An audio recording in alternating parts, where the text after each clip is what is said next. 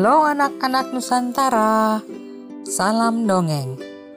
Kali ini Bunda Lasmini akan membawakan sebuah dongeng yang berjudul Buah dari Kesabaran. Ceritanya begini.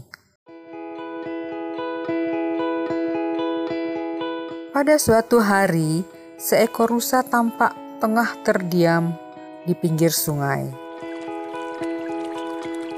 Dia sedang berpikir bagaimana cara untuk sampai ke seberang sungai.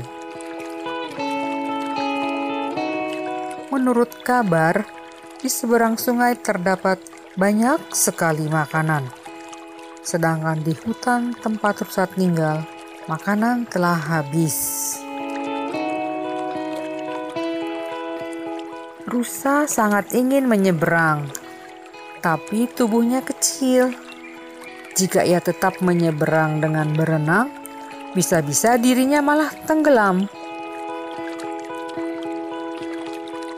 Tiba-tiba, dari arah belakang muncul kerbau yang berlari sangat kencang.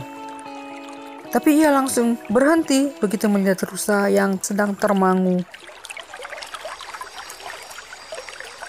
Hai rusa, apa yang kamu tunggu? Di seberang sana ada banyak makanan. Aku sudah sangat lapar. Ucap kerbau, rasa tak sabar. Aku masih bingung bagaimana cara sampai ke seberang sana. Jawab rusa. Ho ho ho ho, buat apa bingung? Tinggal menyeberang saja. Ucap kerbau menggampangkan.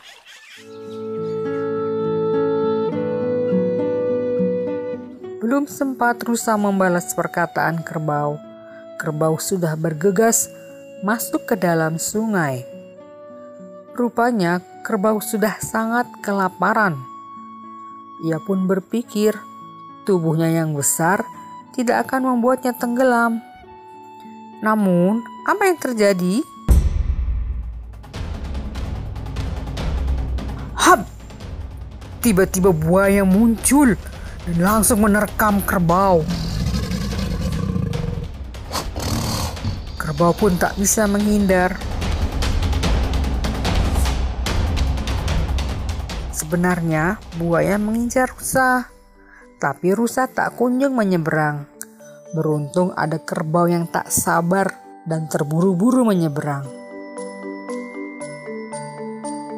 Rusa pun berlari ketakutan ia mencari aliran sungai yang lain. Sesampainya di pinggir sungai lain, ia berpikir lagi. Lalu dari arah belakang muncul kelinci yang sedang berlari sangat kencang juga. Hai rusa, mengapa kamu termenung? Tanya kelinci. Aku masih belum menemukan bagaimana cara menyeberang sungai. Jawab rusa saja ke seberang. Kelinci kemudian menceburkan dirinya ke sungai. Apa yang terjadi? Oh lala, tubuh kelinci terbawa arus sungai. Ia pun hilang hanyut tenggelam, terbawa arus sungai yang deras.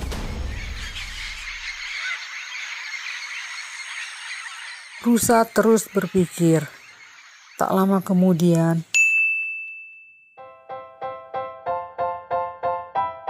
ia menemukan pohon pisang yang telah mati. Dengan sangat hati-hati, rusa membentangkan pohon itu di atas sungai. Aha, jadilah jembatan pohon pisang. Rusa langsung melintasi jembatan tersebut. Akhirnya, rusa bisa sampai di seberang sungai dengan selamat. Dia bisa makan sepuasnya di sana. Itulah hasil dari kesabaran rusa. Jika saja ia tak sabar seperti kerbau dan kelinci, mungkin ia tak akan bisa sampai di seberang dengan selamat. Demikianlah cerita tadi, adik-adik sekalian. Sampai jumpa lagi di lain kesempatan. Salam dongeng.